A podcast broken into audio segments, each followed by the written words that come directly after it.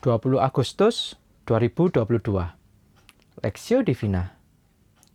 2 Tawarik pasal 11 ayat 5 sampai 23 Rehabiam diam di Yerusalem dan memperkuat kota-kota kubu di Yehuda.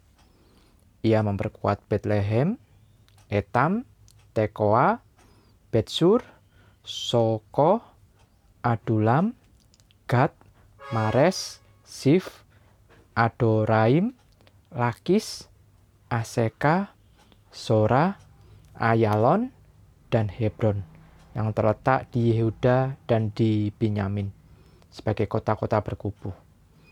Ia memperkokoh kota-kota kubu itu dan menempatkan di situ kepala-kepala pasukan dengan persediaan makanan, minyak, dan anggur. Perisai dan tombak pun disiapkan di tiap-tiap kota. Ia membuat kota-kota itu amat kokoh. Demikianlah Yehuda dan Benyamin menjadi daerah kekuasaannya. Para imam dan orang Lewi di seluruh Israel datang menggabungkan diri dengan dia dari daerah-daerah kediaman mereka. Sebab orang Lewi meninggalkan tanah penggembalaan dan, mil dan milik mereka, lalu pergi ke Yehuda dan Yerusalem oleh karena Yerobeam dan anak-anaknya melarang mereka memegang jabatan imam Tuhan dan mengangkat bagi dirinya imam-imam untuk bukit-bukit dan pengorbanan untuk jin-jin dan untuk anak-anak lembu jantan yang dibuatnya.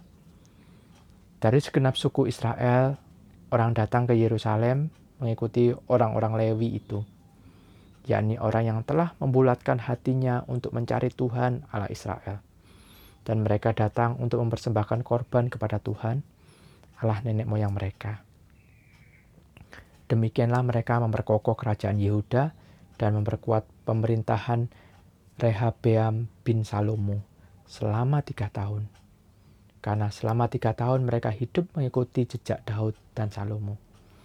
Rehabeam mengambil Mahalat anak Yerimot bin Daud dan Abihail binti Elhaib Elhiab bin Isai menjadi istrinya, yang melahirkan baginya anak-anak laki-laki. Ini Yeus, Samaria, dan Saham. Sesudah Mahalat, ia mengambil Maakah, anak Absalom, menjadi istrinya, yang melahirkan baginya Abiai, Atai, sisa Selomit. Rehabiam mencintai Maaka, anak Absalom itu, lebih daripada semua istri dan gundik-gundiknya.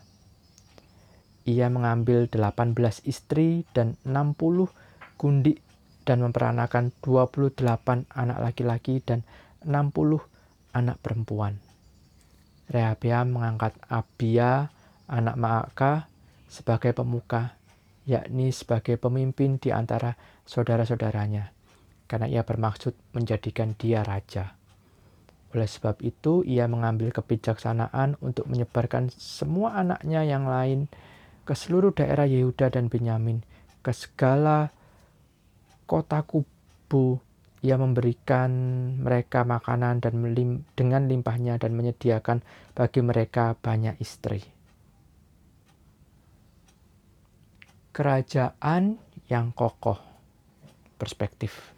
Demikianlah mereka memperkokoh kerajaan Yehuda dan memperkuat pemerintahan Rehabeam bin Salomo selama tiga tahun. Karena selama tiga tahun mereka hidup mengikuti jejak Daud dan Salomo. 2 Tawarik pasal 11 ayat 17. 40 tahun masa gemilang pemerintahan Salomo sekejap waktu runtuh akibat pecahnya kerajaan Israel. Alih-alih menyerang Yerobeam untuk mengembalikan kejayaan Israel, Rehabeam memilih mendengar nasihat Tuhan melalui Semaya. Katakanlah kepada Rehabeam, anak Salomo, Raja Yehuda, dan kepada segenap orang Israel di Yehuda dan di Benyamin demikian. Beginilah firman Tuhan, Janganlah kamu maju dan janganlah kamu berperang melawan saudara-saudaramu. Pulanglah masing-masing ke rumahmu, sebab akulah yang menjadikan hal ini terjadi. Mereka mendengarkan firman Tuhan dan pulang dan dengan tidak pergi menyerang Yerobeam. 2 Tawarik pasal 11 ayat 2 sampai 4. Terlebih untuk mengokohkan kerajaannya, Rehabeam memperkokoh kota-kota kubu dan menempatkan kepala-kepala pasukan lengkap dengan logistiknya seperti makanan, minyak, dan anggur, perisai, dan tombak. Bahkan para imam dan orang Lewi yang ditolak Yerobeam beserta dengan orang-orang yang membulatkan hati untuk mencari Tuhan ditampung oleh Rehabeam. Pada masa pemerintahannya, Tuhan mengaruniakan masa tenang dan aman kepada Rehabeam selama tiga tahun.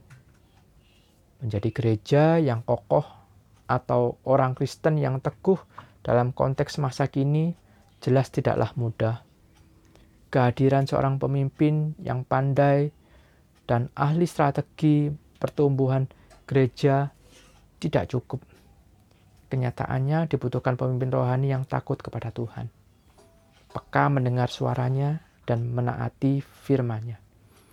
Gereja membutuhkan orang-orang yang memiliki relasi dalam dan intim dengan Tuhan alias orang-orang yang membulatkan hatinya untuk mencari Tuhan dan mau beribadah dengan sungguh-sungguh di hadapan Tuhan.